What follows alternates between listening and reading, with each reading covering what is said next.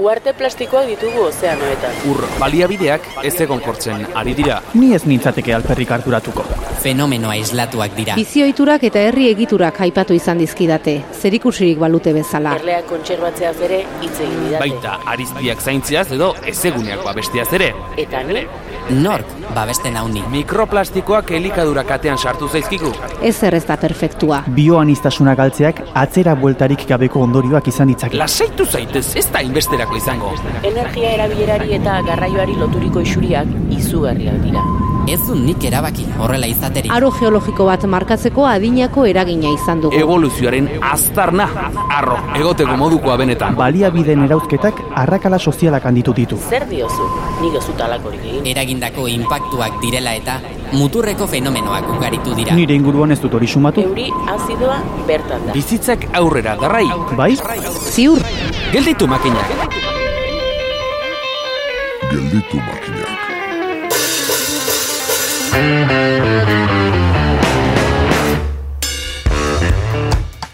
Uf, nik ez ditut zientzia eta maubida horiek ulertzen, ni letretakoa naiz. Nondik hasi, zer da zientzia, jaiotzez bera ulertzeko doaia jaso duten gutxi horien esparrua? Filologiaz berdina uste dugu? Zientzia ez da laborategietan bata zuridun eta plastikozko betaurreko dunei matraze artean lertzen zaien hori bakarrik. Horregatik, hipotesiak zabalduko dizkiogu. Bat, jasangarritasuna minarekin lotzen da, kaltea jasateko almena eta iraunkortasuna berriz baldintza jakin batzuetan bere egitura eustearekin. Natuta, naturara estrapolatu daiteke? Aiora Zabala, Cambridge Unibertsitateko irakaslea dator gurera. Bi, herritarrak zientzialariak izan ala ez, nola hurbildu gaitezke esparru honetara? Zer lan egiten du horretan arantzadi zientzia elkarteak? Ane Fernandez, erpetologoak emango digu horren berri. Hiru, eraikuntzan aplika daitezke birtziklapen oinarriak? Patxama proiektuko Oliver Irigoienekin izan da Arantxa Idieder lankidea. Gaur, probetan gelditu makinak saioaren amairugarren esperimentua.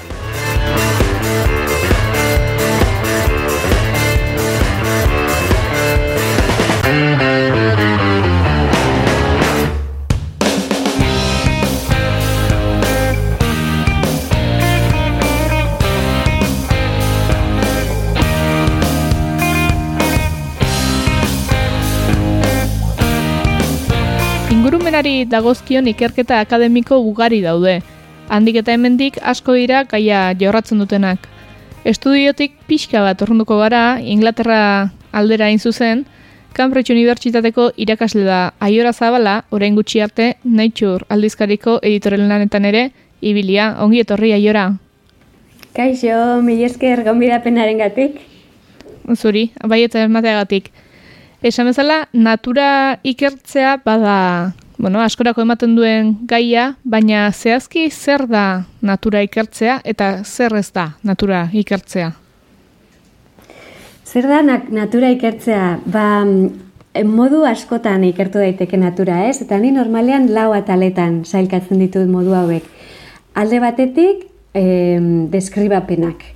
E, natura zer den, nola funtzionatzen duen, ekosistemak zen nolako prozesua dauzkaten, horrelako ikerketa multzo hori deskribapen hauek egite ditu, ez? Gero, bigarren multzoa izango litzateke e, arazoak hausnartzen dituena, eta arazo hauen mm, eraginak, ze faktore eragiten dituzten arazo hauek, ez? Adibidez, e, deforestazioa gertatzen baldin bada, bai, ikerketa multzo honek e, ikusiko luke ze faktore, ze, ze eragiten duen deforestazioa.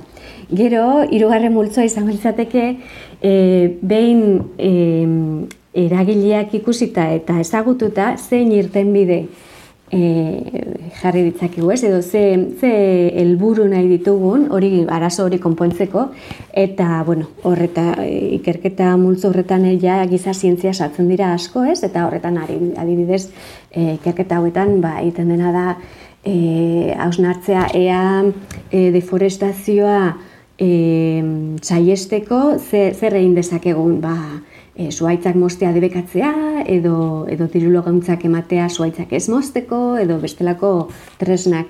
Eta ja, mm, laugarren multzo badago, non ikusten duguna da, ze nola, nola implementazioa, ez? Irten bide hauek, teorian ba itxura badakate, baina gero praktikan beste oso beste itxura diferentea dakate eta e, eta implementazio hori ze ze e, ze arazo izan ditzakeen eta eta ze eta hori arazo horiek nola nola saiestu, ba horrek ere beste ikerlan multzo bat dakar. Eta hori ba mm, azkeneko multzo hau askotan ba e, politika zientzietan egiten da edo ekonomian eta baita bueno giza zientzietan ere bai ez? Lau multzo hauetan eh hasierako hasierako ikerketa motak izaten dira gehien bat natura zientzietan egiten direnak eta azkenekoak izaten dira gehien bat giza zientzietan egiten direnak.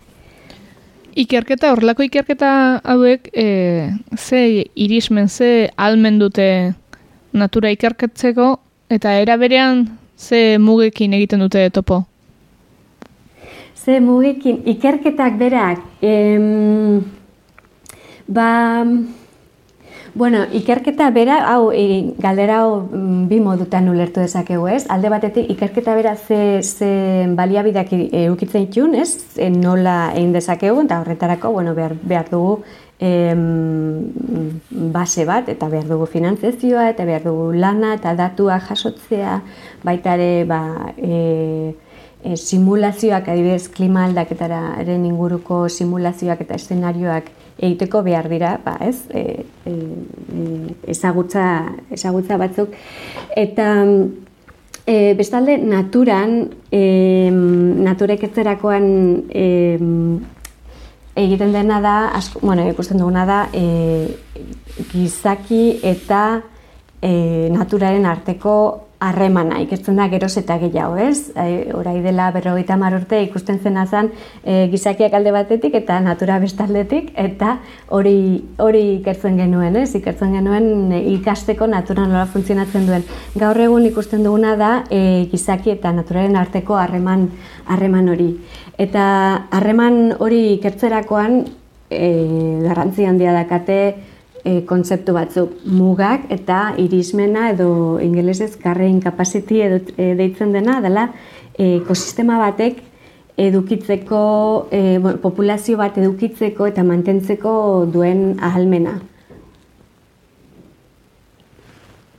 Eta bueno, e, muga e, ekosistema guzti badauzkate bere mugak eta populazio bat sostengatzeko muga batzuk eta horiek izaten dira ba, e, janaria ura beste bizitunek esartzen duten kompetentzia eta bar, eta kontzeptu hori, e, irismen edo karrein kapaziti kontzeptu hori urtetan zehar garatu egin da e, astarna ekologikora, eta bueno, entzule asko ezagutuko dute astarna ekologikoaren adierazlea eta ideia hori esaten duena da ba, ekosistema batek edo herrialde batek edo planeta, segun txezein eskala behiratzen dugun, e, e, ze, ze nolako e, populazioa edo ze nolako bizimoda mantendu dezake, eta astarna ekologiko horrek esaten duena da herrialde batek zenbat lurralde edo zenbat planeta beharko lituzke bizimodu hori sostengatzeko. Eta adibidez, e, orai dela gutxi, bueno, iobek e, aztar, Euskal e, Autonomia Erkidekoko aztarna ekologikoak kalkulatzen du, ez, Euskal Herrirako datuak ez ditut arkitu, baina e, EAeko datuak um, baditugu eskura, eta horren arabera ikusten duguna da, ba, e, gure bizimodua mantentzeko, e, dakagun planeta, baino 2.6 planeta gehiago beharko genituela, ez? Genituzkela. Eta horrelako adierazleak e, esaten digute, e, e, ulertarazten digute, zein nolako inpaktua dakagun gure ekosistemetan, e, ea, et, baita ere, mm, ea epe luzerako mantendu dezakegun bizimodu hori edo ez, eta baita ere esaten digutena da gure e, garapena, ez? Ze, e, e, gure ingurumen inpaktua gutxitzeko e, e, ekimenak ea funtzionatzen duten edo ez. Eta horrez gerostik, ba, e, karrin, e, karrin capacity eta e, e, astarna ekologikoaren kontzeptuen ondoren, orai dela gutxi, bueno, orai dela amar bat urte, ja beste kontzeptu oso garrantzitsu bat atera zen, eta hori da e, mug, mugekin zerikusi, zerikusia dakana, da, dala planetaren mugak, ez? Ingelesez planetari boundaries. Eta marko edo mm, teoria honen arabera mm, ikusten duguna da, ba, gure bizimodua mantentzeko planetak baditu bederatzi muga nagusiak. Bata da klima aldaketa, bestea da uraren erabilera, beste bi mugak dira ba, fosforoa eta nitrogenoa, oso elementu garrantzitsua dira nekastaritzarako eta bizitzarako eta horrela bederatzi muga arte. Eta muga horiek ikusita, e, ja, mm, beste, beste e, adierazle bat daukagu, jakiteko ea gure bizimodua jasangarria edo iraunkorra den edo ez. Eta, bueno, horrela, horrela garatu da gure, gure mugen e, ulermena, ez? Eta azkeneko aldian, ba, azkeneko e, planetaren mugak mm, teoria honekin e, ibiltzen dira ikerke, ikerlan askok. Aipatu dugun bezala, orain gutxi arte neitxu raldizkariko editore lanetan ibilizara, nolako da editore lan hori, nola ustartu daiteke ikerketa akademikoen interesa adituentzako eta herritarrentzako? Bai, ba, hiru hiru galdera batean, ez? E, alde batetik, bueno, lana Oso lan interesgarria da, ba, egunero irakurtzen duzulako em, mundu osoko ikerlariek prestatzen dituzten ikerlanak. Eta aldizkariak e, hau eta beste askok, naiz eta mm, jasotzen duten eh, artikulu guztiak publikatzen ez dituzten, Eh, hala ere, irakusten duzuna eta jasotzen duzuna oso interesgarria izaten da eta kontatzen izkizute, ba, historio pila batez, munduko, munduko ingurumenean jas, gertatzen ari diren gauzak ikusteko olako leio txiki txiki bada, ez? Eta, bueno, hemen egiten dena da, ba, ba, ikerlariek ikerlan egiten dute, lan luzea, e, datua jaso, datuak analizatu eta bar, eta gero ba artikulua prestatzen dute eta artikulu horren helburuan helburu nagusia da ba mm, ezagutza berri hau besteekin partekatzea, ez? Gero badakigu ba unibertsitate sisteman eta sistema akademikoan ba horrek ere ba promoziorako eta horretarako balio, balio duela, baina hemen helburu nagusia da gauza interesgarriak eta baliagarriak komunikatzea. Eta orduan hori da editorialen lana, e, artikulak irakurtzen ditu, e, eta ebaluatzen ditu eta ikusten du ikusten dugu ea e, argitaratuko diren.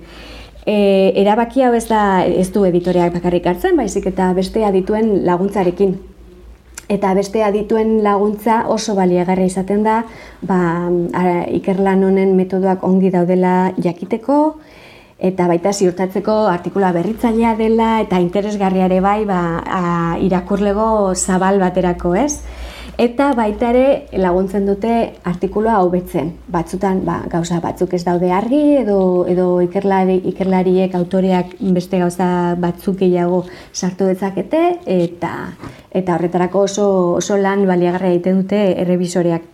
Eta bueno, baita hori hori da lan nagusiena eta gero behin behin artikulu bat argitaratzeko onartu denean, ja, badago lan sakon bat artikulu horrekin, non ba, komunikazio aldetik i, testua asko betzen den. Ba, gauzak argitzeko eta hori, iragurlego zabal batek ongi ulertu dezan artikulu hori. Zeren artikulu akademikoekin gertatzen den arazo bat askotan da, ba hori oso, oso hizkuntza teknikoan idatzita daudela eta horrek askotan eragosten du ba, irakurlego zabal batera iristea, ez? Eta bueno, ikerlariek bera e, ikerlarien helburua da bere bere ezagutza zenbat ahalik eta zabal e, gehiago zabaltzea, ez? Eta horretarako bari, e, ba hori komunikazio lan handi bat izaten da. Beste kontua da gaur egun e, eta ipatu duzun bezala zerbait berritzailea eskini behar izaten dela, aktualitatea ere bueno, puripurian egon da gure izketa gaietan, Eta hori nola uztartzen da arna luzeko lanekin? Ikerketek e, urteak behar dituzte bueno, onduak izateko, Eta hori nola uztartzen da aktualidadearen eskariarekin? Bai, ba, horrek, e, ba, galdera, galdera honek lotzen ditu bi gauza, ez? Alde batetik, em, gizarteak zer behar duen, edo puri-purian dauden gaiak zeintzuk diren, eta bestaldetik, ba, bai, ezuk esan bezala, ikerlanak em, denbora luzea behar dutela, hoiek, ba, e, bukatzeko ez. Eta, bueno, e, kasu honetan, ba, ikerlan askok, hori, epe luzerako datu jaso, eh, jasoketak izaten dira eta oso zaila da hauentzako e, egunerokoa den gai batekin lotzea. Ez da, ez da ezinezkoa, batzutan kasualidadez, ba, igual ikerlari bat egon da denbora luzez e, aire poluzioa ikertzen eta bat batean ba, albistetan agertzen da hori arazo handi bat bezala ez, eta orduan, bueno, kasualitatez hori e, hori kointziditzen da. Baina, bueno, bestalde, askotan ere, ba, ikerlariek denbora luzez e, ibiltzen dira gai bati buruz, e, gai, bat, gai bat hausnartzen, adibidez, ba, e, luzaro ze dira iker, ikerlari askok basoi buruz ikertzen, eta basoen landaketa, eta basoen berriket, me, berri, e, berriztatzea, eta, eta horrelako gai asko e, jorratu izan dira azkeneko hamarkadetan, Eta, eta ba, batean, ba, orai e, klima larrealdearako negoziazioak direla eta eta ekimenak direla eta ba, ba batean zuhaitzan landatzea mm, irten bezala agertu da, e, zabaldu da, ez, e, komunikabideetan eta eta baita ekimen asko atea eta horretara finanziazio asko sartzen ari da. Eta orduan hori, arnaz luzeko ikerlana izan da, mm, zuai deforestazioaren e, historioak eta eta eta basoak nola nola berpiztu eta hala eta bueno, eta orai e, ikusten da hori hori beharrezkoa dela eta ezagutza hori hori guztia beharrezkoa dela. Gero beste beste gauza interesgarria da, ez? E, batzutan ikerlariak e, gal, bere mm, galdera, esan nuke, galdera sofistikatuetan ibiltzen direla edo oso galdera mm, e, oso ezagutza gune e, prezisoetan edo sakonetan sartzen direla eta batzutan herritarrek egite dut galderak diferentea direla. Eta askotan herritarrek egite dituzten galderak, ez, adibidez, ze, ze, ze erabakia da, edo zein, ze biziklatzeko zein da modu oberena, ez? Horrelako gauza prak, galdera praktikoa. Ba, horrelako galderei ez dago e, erantzun zuzena e, askotan. Eta horregatik oso garrantzitsua da, ba, e, orai atatzen ari den joera bat deitzen dela koprodukzioa, non ikerlariek bere ikerlan ikerketa galderak egiten, egiten dituztenean, eta, eta bere ikerketa proiektuak proposatzen dituztenean, ba, herritarekin batera garatzen dituztela galdera horiek. Ba, hemen ez, batez gehien bat ingurumenari buruzko ikerketan eta jasangarritasunari buruzko ikerketan oso garrantzitsua da ba, e, ikerlanak balio praktikoa izan dezaten ez, ba, arazo ba, handi bat handi pila dazkaulako eta hori konbondu nahi ditugulako. Ba, horren praktikoa denez oso garrantzitsua da ba, e, herritarrekin batera eta eta e, iker, ikerketa horren erabiltzaileak izango direnekin batera, galdera horiek garatzea. Jasangarritasuna aipatu duzu eta hortik jarraitze aldera, jasangarritasunaren definizioa irakorrita honakoa da elementu batek jasan dezakeena denboran irauteko gaitasuna izan dezan. Ez alda hori natura ulertzeko modu konsumista xamarra?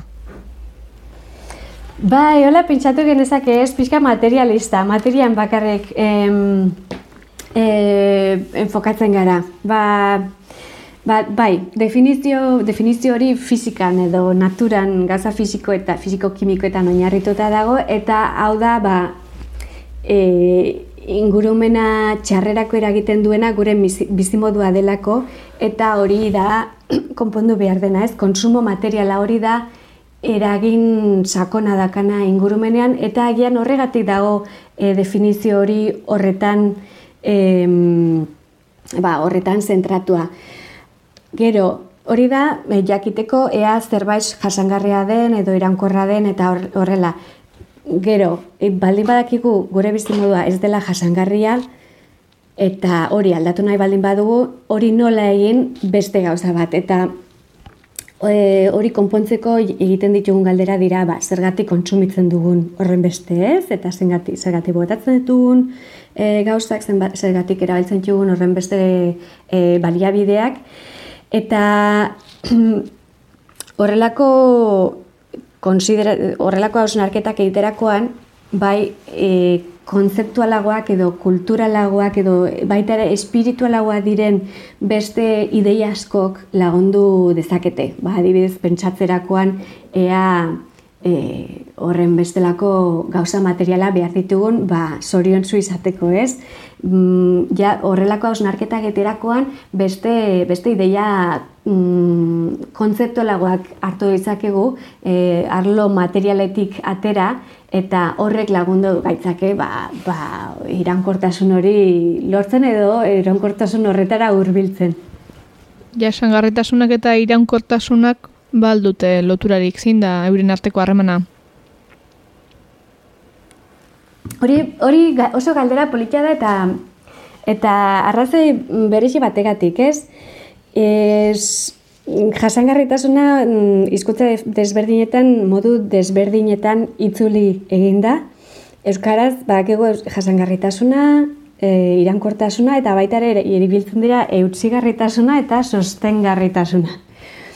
Gauza da, bai, gauza da, em, E, ingelesez e, ibiltzen dena da sustainability, hori dela mm, gehi, itzultzen da jasangarritasuna bezala, eta frantsesez sustainability deitzen da durabilite, bueno, azento hon batekin.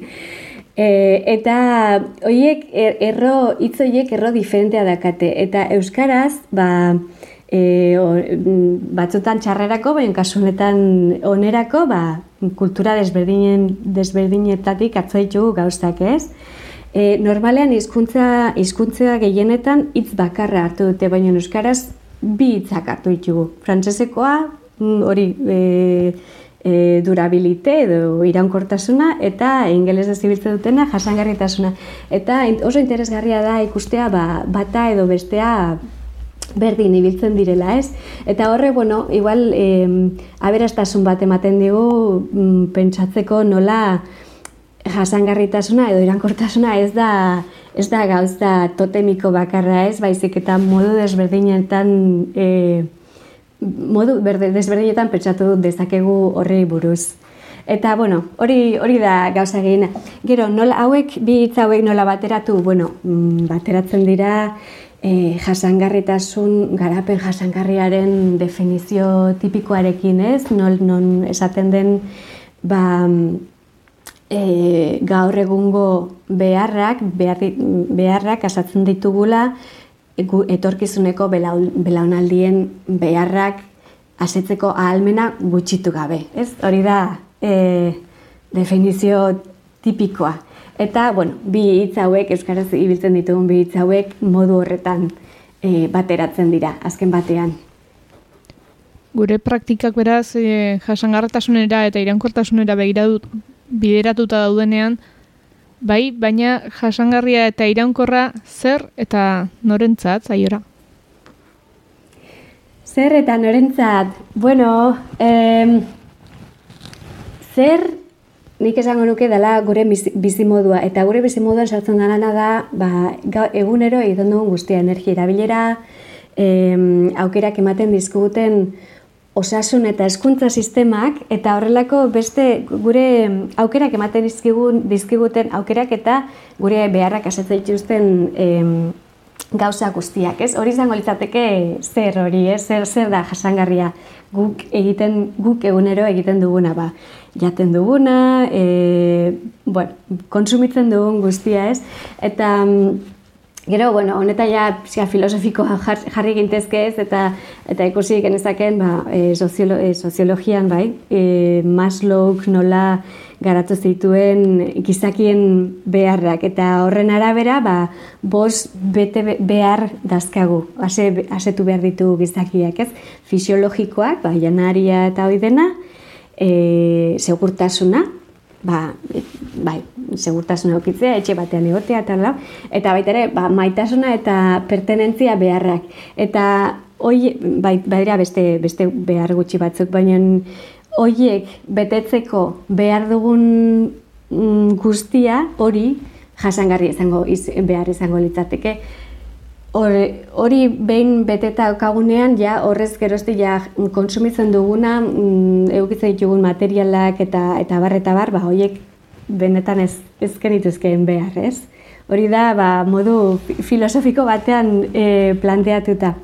Gero, um, badago modu ek ekonomista batekin, baten modu, modu ekonomista batean planteatuta, e, oso ikuspegi desberdina izan dezakegu eta eta horren horren arabera um, adibidez, ekonomian asko irakasten da e, kutsadura optimoa izeneko kontzeptu bat. Eta horrek e, adierazten duena da gure beharren eta naturaren e, iraunkortasunaren arteko ba, trukaketa bat dagola, ez talka bat dagola. Edo gure beharrak edo naturaren e, irankortasuna. Eta e, ekonomia, ingurumen ekonomilarien aldetik, guzpuntutik, e, e, egin behar ditugun erabakiak, iraunkortasunerako egin behar ditugun erabakiak izaten dira, ba, zein neurriraino e, kutsatu dezakegu natura gure, gure bizimodua mantentzeko. Eta zein da puntu hori ez, e, e, ba, zein da... E, Hala da, bai, ekili, ekilibrio puntu hori. Ez da, natura ez, ez genukela kutsatu behar ezertarako, baizik eta pixka kutsatu behar dugu, edo pixka larritu behar dugu gure bizimodua mantentzeko. Hori da beste, beste ikuspuntu interesgarria. E, eta horrek ere adierazten du, horrek ere e, adierazten du zen, zen, ora, zein neurriraino ez garen ados jartzen e, ikerlariok edo ingurumenare, ingurumenaz arduratzen garenok eta bar, zen, ze, zen oraino, zen neurriraino ez garen ados jartzen irtenbidei buruz, ez? Batzu tortzen dira filosofia batekin da beste batzuk beste filosofiarekin, ekonomia, ekonomilarien filosofiarekin. Eta horiek bateratzerakoan e, askotan ba, ba, desadostasunak egoten dira. Hori oso oso eh, arlo, bueno, fenomeno interesgarria da eta baita oztopo asko jartzen ditu, ez? Gauzak egimenak aurrera eramaterako. Eta gero baita ere galdetuzu norentzat, ez? Hori da horretan ja sartu barko gina- ginateke e, pentsatzen em, herrialdeko eta munduko gizatalde desberdinei buruz ari garela. E, kasu horretan, bueno, beste interpretazio egon litzat e, egin genezakeen, e, e, dala norentzat e, naturaren munduari nortasuna ematen baldin badiogu, ez? De, jasangarritasuna landarentza, jasangarritasuna e, animalietza, baina hori beste historio bat da, beraz, enaiz horretan sartuko. Baina bai, norentzat hitz egiten dugunean, e, ja hasten gara hitz egiten, ba, e, berdintasunari buruz, e, ingurumen e, justiziari buruz, ez? Eta, eta bai e, aurreko programa batean e, hitz egin zenuen bezala, e, zor ekologikoari buruz, ez? Gure e, Europako bizimoduak beste kontinentetan zenolako eragina eta zenorako ondorioak ekartzen dituen. Eta hori beste oso, oso, mm, oso gai garrantzitsua da eta gaina oso argi ikusten da klima aldaketarako aldaketa bueno, klimarako negoziazioetan oso argi ikusten da, ez? Negoziazio hauetan bi talde oso nabarmenak ikusten ohi dira diala mm, herrialde industrializatuak eta garapenean dauden herrialdeak eta bien arteko talka hortik datorez e, herrialde batzuentzat irankortasuna gauza bat da, ba, ekotxeen elektrifikazioa, modernizazioa, teknologia hobekuntza eta bar, beste, beste herrialdeentzat gar, e, irankortasuna eta jasangarritasuna dira ba, ba, e, e, bazkaria eukitzea, ekosistema osasungarri, osa, osasuntzuak eukitzea, eta, eta um, gutxieneko e, eskuntza eta osasuna eta aukerak eukitzea, ez? Horretan, horretan norentzat hori e, oso argi ikusten da. Lehen zabaldu duzu, bueno, zierrekitu bat eta hortik sartu nahi dut, e, bueno, izaera filosofiko eta ekonomista aipatu dituzun horretan, galdetu nahi nizuke, ean non egiten duten talka, premiek eta aurrerapenek iraunkortasunarekin. Legia, esate baterako, badakigu, jakin badakigu, kromoa toksikoa dela, baina ez den eskalitate bereko alternatibatik garatu erabiltzen jarraitzen dela. Edo ikertu ala errendimendua hobetzen joan da zaio ere, eguzki plakak ere ikitzeak estres ekologiko eta ustiak eta masiboa ere badakarrela. Beraz, non egiten dute talka aurrerapenak eta iraunkortasunak? Ba, hori, bueno, e, bi, bi adibide hauek ingurumenaren ingurumenarekiko ikerlanen konplexutasuna adierazten dute erabat. Ikerlanak eta eta irtenbideen konplexutasuna ez? Ba adibidez e, eguzki plakei buruz ba, badakigu eguzki plakak oso irtenbide ona mm, izan daitezkeela ba, klima, klima aldaketarako, zeren eguzki plakekin ba, e, karbona emisioak gutxitu ditzakegun, ez? Baina zuk, mm, gutxi bera esan duzun bezala ez, eguzki plakak ere badute impactu oso, oso nabarmena eta eta impactu hori dator berain produkziotik gehien bat, ez? Mm, eguzki plaka hauek behar dute e, material beresi batzuk, mehatzaritzatik etortzen direnak, eta badakigu, e, badira ingurumen konfliktuei buruzko ikerlan pila bat e, mehatzaritza industriari buruz, eta badakigu ba, industria honek oso ondorio latzak ekarri ditzakela mm, bere tokietan, ez? Adibidez, Andesetan edo Txilen, badire e, kobre meategiak, eta bueno, hainbat, hainbat tokitan, ez? Oso industria e, kezkagarria da, nola bait. Eta ze gertatzen da, ba, e, e, dekarbonizazioaren joera honekin, e, karriko diren teknologia berriekin, e, mehatzaritzatik etortzen diren errekurso horiek, baliabide horiek, geroz eta, dema, e, eskaera geroz eta handiago izango dela ez. Eta zer gertatu eke, ba, ba, industria horrek dakartzan e, impactu, ingurumen impactua eta e, giza impactua ere bai, hori handitu daitekela. Eta horregatik, horregatik oso garrantzitsua da irtenbide bat aurkezterakoan pentsatzea zein izango diren ingurumen em, eragin nagusienak. Ez, ez bakarrik karbono emisia gutxituko direla e, plaka fotovoltaiko honekin, baizik eta baita ere e, ze, ze nolako eraginak izango dituen uran, materialetan, eta baita ere ba, mm, e, plaka hau, eguzki plaka honek, ze nolako e, bizitza luzapena izango duen, eta bere bizia bukatzen duen ez dakizen bat urte iraute duten orai, amar urte, oita bost urte, baina bizi hori bukatzen denean, uh, zer egiten den plaka horrekin, ez? Materiala berraskuratu daitezke, edo plaka mm, non bai botatzen da, eta, bueno, horrez, e, horren arira oso, bueno, oso kezkagarria izaten da, ba, mm, sabor elektronikoaren arazoa ez, eta eguzki plakekin horrelako zerbait gertatu zitekeen, ez baldin badugu kudeak eta sabor kudeak eta on bat e, implementatzen. Eta, bueno, gauza da, e, benetan bezala ez, ez abusatzea. Eta ze hemen e, igual e, mezu nagusiena izango litzateke bai, ba, eguzki plakak e, onurak ekarri ditzake, baina baita ere beste neurri batzuk hartu behar dira ez, ba, energia gutxi, energia eraginkortasuna hobetu eta eta horrelakoa ba, ba, eguzki plaka horiek horren bestelako inpaktua eduki ez dezaten, ez? Eta baita ere zurri bildi, ba, mm, oiek hoien bizitza bukatzen denean, zein nolako kudeak eta ingo den ba, ongi planifikatuz. Ba, aiora zabalak, Cambridge Unibertsitateko irakaslea, mila esker gurekin izketaldi bat izateko tartea egiteagatik, eta gai komplexuak modu lerterrazean azaltzeagatik. Mi eskezuei plazer bat izan da. Eli pagolarekin geldituko dituzu makinak naiz irratian. Zientzia eta herritarrak oksimoron bat direla uste duenik izango da oraindik hortzear. Ez da hori gure urrengo gonbidatuaren kasua. Gurean dugu Ane Fernandez, erpetologoa ongi etorriane. Esai guzuzu, arantzadi zientzia elkartean ibiltzen zara, eta e, arantzadi zientzia elkarteak baditu zenbait ekimen herritarrak parte hartzeko modukoak, ezta? Bai, bai ala da. Eta nolako ekimenak proposatu hoi dituzue? Ba, bueno, e, adibidez, e, ornitologiako saietikan, e, uste, e, 2008etikan e, martxan dagoela ornito.eus plataforma, e, iritar zientzia e, egiten duen plataforma da, eta, bueno, bertan nahiko potentea da, bai e, Euskadin eta bai Nafarroan, irekita dago.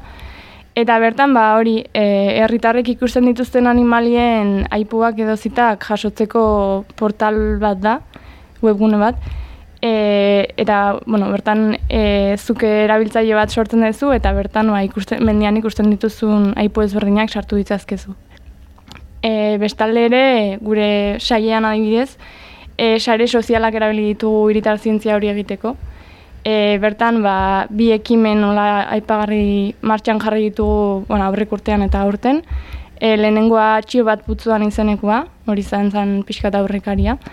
E, eta bertan ba, eskatzen genuen Twitterren bitartez, e, basoan o, o mendian ba, Twitterreko erabiltzaile ezberdinak aurkitzen zituzten baso igelgorriaren e, arrautzak, e, aurkitzen bat zituzten ba, argazki bat atea, kokalekua bidali eta ba, txio batean hori gurekin konpartitzeko, ez? Txio bat putzuan hashtagarekin edo traolarekin. Eta horren arira, ba, horrek ikusi genuen, ba, nahiko, e, bueno, arrera hona zuela eta e, horren arira gero suge bizi e, jarri genuen martxan. Eta bertan, ba, antzeko dinamikarekin jarraitu genuen, baino eskatzen genuen azan, ba, aurkitzen zituzen sugen argazkiak bidaltzeko, kokalekuarekin eta bidena. Ze, zein izan daiteke horrelako ekimenak martxan jartzeko arrazoia, ze funtzio izan ditzakete, zein, zer la bilatzen duzuena zehazki horrelako bueno, e, ekimenak abiatzeakoan? Ba, alde batetik, igual, ba, hain hori, zientzia edo hain e, abstraktua den hori ez, ba, erritarretara hurbiltzea eta haiek ere horren parte sentitzea, azkenean, ba, datu bilketan ere laguntzen dutelako eta bar. Eta, bueno, nik uste iritar zientzia azkenean dela e, divulgazioa egiteko mm, tresna baliogarri bat, eta, bueno, elburu nagusian nik garrantzitsuena divulgazioa egitea da, ez? Lortzen alde zuen jakintza gainontzekoei helaraztea? Bueno, e, ez dakit noraino iritsi dan edo ez, baina, bueno, ikusi dugu, ba, ikus, e, bi proiektu hauek eukioten arrerarekin eta bar, ba, jendean eko, bueno, interesa piztu dugu gutxien ez. E, eta bai, hori, osea, zeo ze e, saiatzen gira, eta... Mhm. Oroar, e, ez dakite ateratzerik izango zenuken, edo horrelako ekimenetan, horrelako kontuetan, E, zer motatako perfila hurbildu hoi zaizue edo zein da implikatu hoi denaren ezaguarrietako baten bat? Ba, dibidez, patu ditudan e, iru proiektuetan perfil nahiko desberdinak aurkitzen ditugu. Sare sozialetan alde batetik, ba, gehien bat igual, natura interesatzen zaien, baina igual hain adituak edo espezializatuak ez diren pertsonak dira, igual arantzadi ba, edo zein arrazoen gati jarraitzen dutena, e, sare sozialetan. Eta batean, ba, ikusi dute erronka bai bidali gula, ba, aber sugeren bat ikusten dezun, edo aber e, e, arrautzak aurkitzen dituzun putzuetan. Eta, ba, bueno, interesa piztu zaiena, eta orduan mendira, ba, beste begi batzuk ingun direnak, ez, e, ba, gauza hauek bilatzen. Eta adibidez, e, ornito plataforman igual bai direla pertsonak ba, naturaz gehiago jakin dezaketenak, edo espezie batzuen gan interesa handia dutenak, adibidez ba, egaztitan, eta bar, eta igual ba, gehiago bai, espezializatuagoak. Oroar, horrelako e, proiektuei ze aulgune ikusten diezu, zertan hobetua ikusten diezu? ba, azkenen lortzen den informazioa ere ba, limitatua dela eta gehien bat e, zientzian behar den rigo, rigore hori ez, ba, ez duela guztiz betetzen. E, erabilgarria da, zentzu batean, adibidez, espezie baten distribuzioa ba, e, ere, e, guk e, begiratu ez dugun eremu batean adibidez, ba, zitak pasatzen maizkigute ez, ba, informazio berri hori lortzeko oso erabilgarria da, baina gero adibidez es, e, espezie baten populazio baten egoera nolakoa den jakiteko, badatu horiek ez daude estandarizatuak, orduan ez dira. Agian erabilgarriak. Eta aurguneak bai, baina indarguneak ere izango ditu, ze abantaila ditu horrelako bueno, masa mugitzen batek. Bai, ba, bueno, azkenen interes bat pizten dezula jende hortan, ba, naturaren inguruan, eta, eta bueno, naiz eta espezie bat eta bakarrikari, edo, edo bueno, suge, talde bat eta ez, ez azkenean gero hori edatu egiten dela, eta interesa pizte horrek, ba, azkenean gero naturaren beste bat aspektutan ere horrela ondo jokatzea bultza dezakelako, noski. Aipatu dituzu, e, martxan, herpetologia sailetik martxan e, izan dituzuen zenbait, bueno, erronka deitu diezu momentu batean, bai txio bat putzuan, baita suge bizi ere, aurrera begira zertan eragiteko aukera ikusten duzu? E, bueno, e, pentsatzen dugu e, proiektu berdinekin jarraitzea, seguruna, Baina, bueno, garrantzitsua da guretzako finantziazio bat bilatzea horretarako, zere noain arte, ba, piskat pura moral arte indeu. Eta lana da, azkenean, horratzean egotea datu guzti horiek jasotzen. Eta hori, ba, gure helburua da, agian, e, divulgazioaren aspektuan gehiago sakontzea, e, kalidadezko divulgazioa egitea, e, eta beste hainbat gai igual zabalagoak edo e, jorratzea bai horrekin ba, batera. Ba, opa dizuegu alako putzuetan eta bizi-bizi ibiltzen jarraitzea, mila esker gurean izateagatik, ane? Mila esker zuei.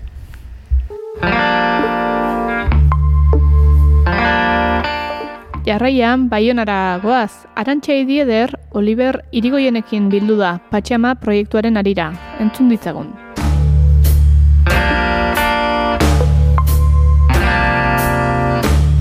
Olivier Irigoyen naiz, uh, goita emezortzi urte ditut, uh, Bayonan bizi naiz eta senperen uh, handitu niz. Nik astapenetik hor uh, eskolan egin nuen formakuntza bat uh, uh, zur uh, eguraren, uh, ahloan da ingeniero bezala. Uh, nintzen lan egiten hor uh, Kanadan, Montrealen uh, zazpi urtez bizi izan naiz eta uh, eskoalegian sartzean uh, nahi nuen pixkat uh, nire lan bidea aldatu eta eskatzen nuen proiektu motiba, motibagarri bat uh, beste, uh, beste pertsona ba-, batekin, Julian Simon uh, eldu zaigu uh, ideia uh, patxama uh, sortzea uh, duela orain uh, bi urte. Patxama, orduan hori da zuen ninia beraz Gure ninia, bai, ba, gure ideia, eta gero zabaldu dugu, eta orain fin, beste pertsonak hor sartu dira dinamika hortan, baina bai, uh, gure ninia, uh, oartu ginen bazela uh, gastatze, uh, sekulako gastatze bat hor uh, eraikuntzaren uh, aktivitatean, uh, materiaren aldetik, eta ezen uh, guk proposatzen dugun uh, ekimenarik hor uh, fenomenaren aurka joateko, hor, hola hola heldu zaigu uh, ideia. Piskanaka, piskanaka, hor uh, ideia zehaztu da eta, eta aktivitatea martxan da orain uh, ongi. Zer nola hartu ziste edo etxegintzan ari sinistelako, brak ikusituzulako? Bai, ordoan nik sartzean hor behar nuen lan egin, eh? behar nuen dirua sartu eta hasi nintzen uh, zurgintza bezala, orduan teilatuetan, uh, ez nuen bat ere eksperientzik hortan. Eta Julian berdin, uh, berak zen, bera zen uh, ingenio uh, petrolean, orduan Parisen uh, ari zen, orduan be, berak ere utzi du bere, bere lan bidea, eta sekatzen zuen zerbait, berak elektrizitatean uh, ari zen uh, lanian, hor. Eta bai, uh, mintzatuz, elgarrikin mintzatuz, uh, uh, ginen, ba, dena, dena botatua izela, material egokia eta, eta beste aldetik hor, uh, eraikin berrietan, hor, be, material berria erosten zen, eta hola, fen, zen, piskat zentzugabeko dinamika hortan uh, jendea jarria zela. Zenta hori nola pasatzen da, xantier batean gaur egun, zuek ez bazizte hor, hori egin nahi dut. Uh, orduan be klasikoki, uh, enpresak, uh, enpresa duen uh, obra be, ez du denborarik edo ez du gogoarik ez dakit uh, denbora emateko uh, material horiek uh, eskuratzeko gehienetan da hautsia eta, eta botatua. Baina botatuz enpresek pagatu behar dutez? Eta bai, hori da, hori da, pagatzen dute, baina uh, haientzat da merkeago uh, dena, bota, dena ustea eta dena botatzea, behe eskuratzea baino. Hola da gure sistema orain, uh, dena fite egin behar da eta, eta beste nazga dirua galtzen duzu. Kalkuluetan, uh, beharko liteike beste pertsona bat, azkenen kudeatzeko hori, bota ordez. Bai, eta guk uh, ari gira, pixkanaka hor, uh, Hortan uh, joaitia pixkat gure esperientza e, ematen dugu uh, enpres, enpres lodiei laguntzen ditugu uh, ematen ditugu aholkuak. Uh... Justuki nola, nola pasatzen da uh, zuen lana? Uh, nork de, norbaitek deitzen zaituzte, nork deitzen zaituzte eta nola martxan da? Bai da, orduan, modeloa da arkite arkitektoak adibidez, edo instituzioak, edo partikularrak, edo enpresak ere, uh, deitzen gaituzte guk bon, toki bertan joaten gira eta piskat uh, aztertzen dugu uh, etxe bizitza edo eraikina.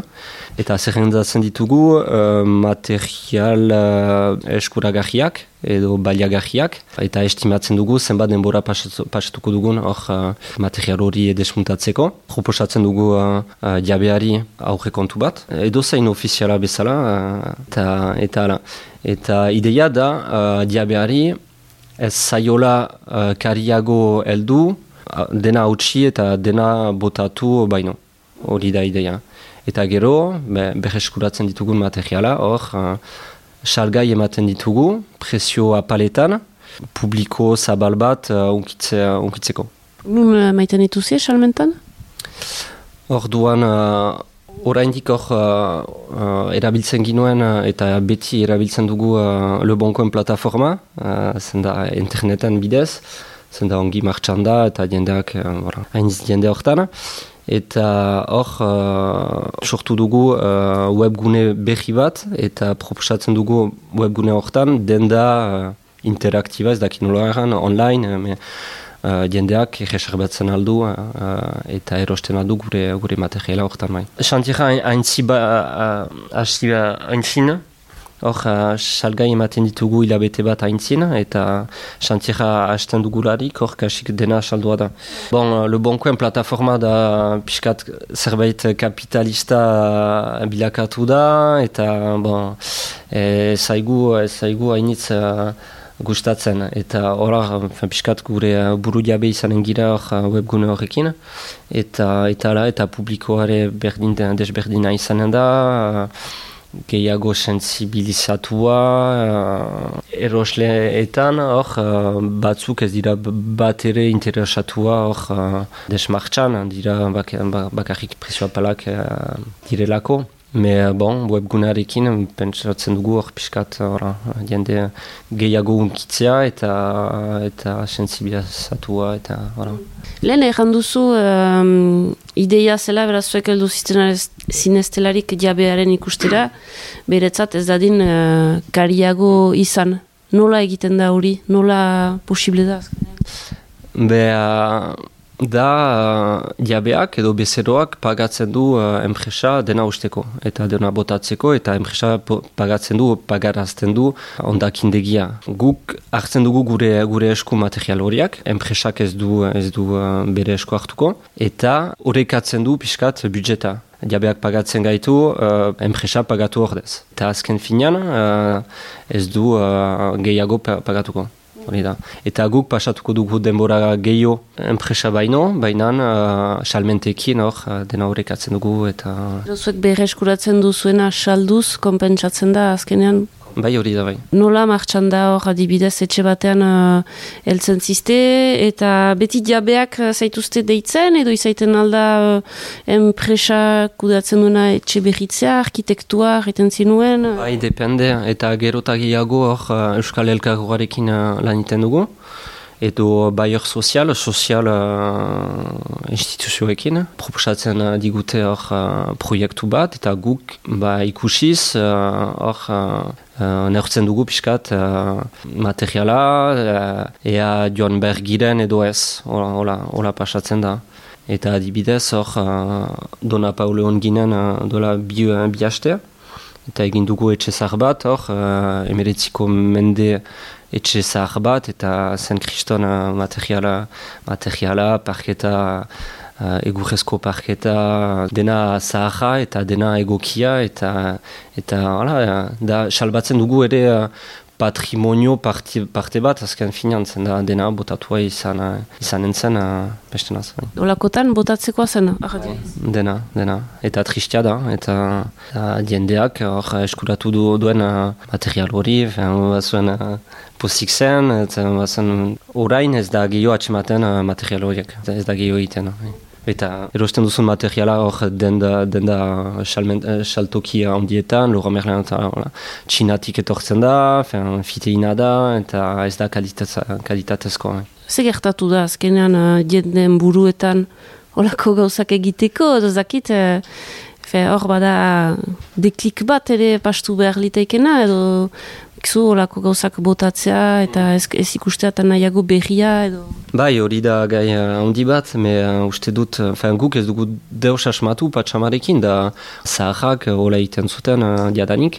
Uste dut, uh, ogoi, ogoi garen mendean, hor, uh, gure uh, pentsa modua, modua aldatu da, uh, kontsumo eredu bat sartu gira, uh, eta publizitatea, eta berria da oberena, eta ez atxik zaharra eta fite joan berda eta presio apalak dira, baina ez dakit ez dakigun nundik eh, etortzen diren eh, materialak eta piskat hori dena nahasiz.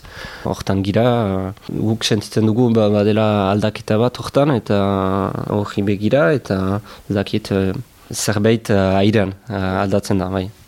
Senitzen da hor ere behar bat irantzuten ari ziztela?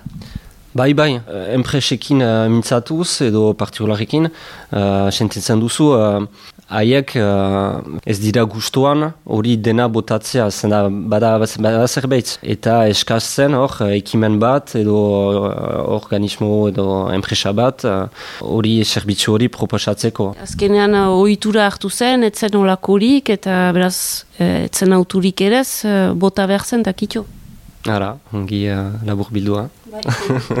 Bo, eta zonbat, uh, za hor, uh, iru langile ziste eta hor, uh, be, laugarren bat ere gehitu zaizue, ikasle bat, nola funtzionatzen duzue? Uh, nola funtzionatzen dugu, ba, diadanik elkarte bat gira, uh, momentuz, eta ba, eldu diren hilabetetan pasatuko gira kooperatibo batian, aldatuko gira piskat, me bo, ispiritua, berri ispiritua txiko dugu. Eta ala, dena edabakiak denak hartu, hartuak dirak uh, gu, gu artean, ez da baidetan eta ala.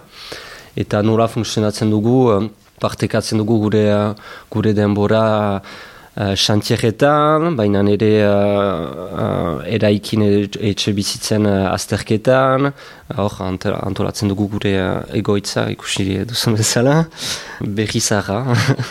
Eta bat dugu uh, ba, milaka gauza egiteko. Uh, dena egiten dugu, denak dena egiten. Erran dugu uh, etxeak usten dituzuela eta berreskuratzen hemen gauzak, lantegian usten den bezala. Baina proposatzen duzu alderantzizkoa, adibidez, uh, norbaitek etxe bat berritzen badu, deitzen alzaituzte, eta erran uh, baduzu zerbait guretzat? Bai, hori egiten dugu ere, hori egiten dugu, eh, saltzen ditugu materiala, hor, uh, bigarren eh, eskuko materialak, mainan jendeak ere anticipatzen ba- badu bere, bere obrak, erraiten aldu, bon, bai ditut beharrak, biate, iru leio eta hola, eta guk abitsatzen dugu, hor, sartzen dugularik material horiek, onke, ba- badugu bere zenbakia, deitzen dugu, eta erreserbatzen dugu, hola, hola egiten dugu ere, pixkat. Eta webgunaren uh, bidez, hor, uh, zai- uh, erresago izanen da hori dena kudatzea, bai. Patxaba.com, ados. Eta nola uh, aski ziste? Hor, uh, egia Bayona aldean ziste hemen instalatuak, baina pixkat uh, ipar alde guzian ari ziste. Uh, iru uh, pertsona hori denaiteko hor, uh, garatzen uh, ari zitelarik? Ba, pixkat, pixkat justu gira iruak, orduan hor den Dona Pauloen uh, adibidez hor hartu uh, emple, emplegatu ditugu bi, uh, bi, uh, bi pertsona, hor uh, zurgintza bat eta bi zurgina. Eta esestatzen ditugu proiektu batzuk ere, zenda ez gira prest edo hola, hautatzen ditugu, eta geroa da, ba, atxiki tipia, atxi- atxiki tipia, baina beste, beste taldeekin, o beste enpresekin uh, lan, elkar lana ema, ere maitea, eta ora, gure esperientza uh, partekatu, baina gu ez dugu loditu nahi, uh, ez dugu uh, espiritu hori galdu nahi. Ko. Geroan, beraz, ikusten duzu, ala ere badela olako mm, bide bat hartzen dela, uh, etxegintzan, uh, zuen uh, ispiritutik? Bai, bai, ba, Uh, jendea etortzen zaigu, interesatua da, hor, bon, informazio batzuk uh, rapatzeko, baina, me bai, uh, ari, da, ari, ari da mugitzen, eta bon, patxama, behar dituzke patxama den, denetan, eh? kriston aktivitatea da, uh, kostaldean Euskal Herrian edola, eta badatokia denentzat, eta e, bai, fen, penagarria da, egia erran, eh, ez ez estatzea eh, proiektu bat, zena, ba, kizu, uh, gibelian, be, dena botatua izanen dela, orduan bai, bada, badatokia hor, beste uh, mot, jende mo- motibatu entzat, bai. Patxama elkartea, uh, deskubritzeko, erramezala patxama.com. Olivier Irigoyen, mi esker? Mi esker zuri arantxa. Txispa batzuk gora bera ez dugu estudiorik erre. Zientziak ere lagun zaitzala dizkide datorren aster arte. Gelditu.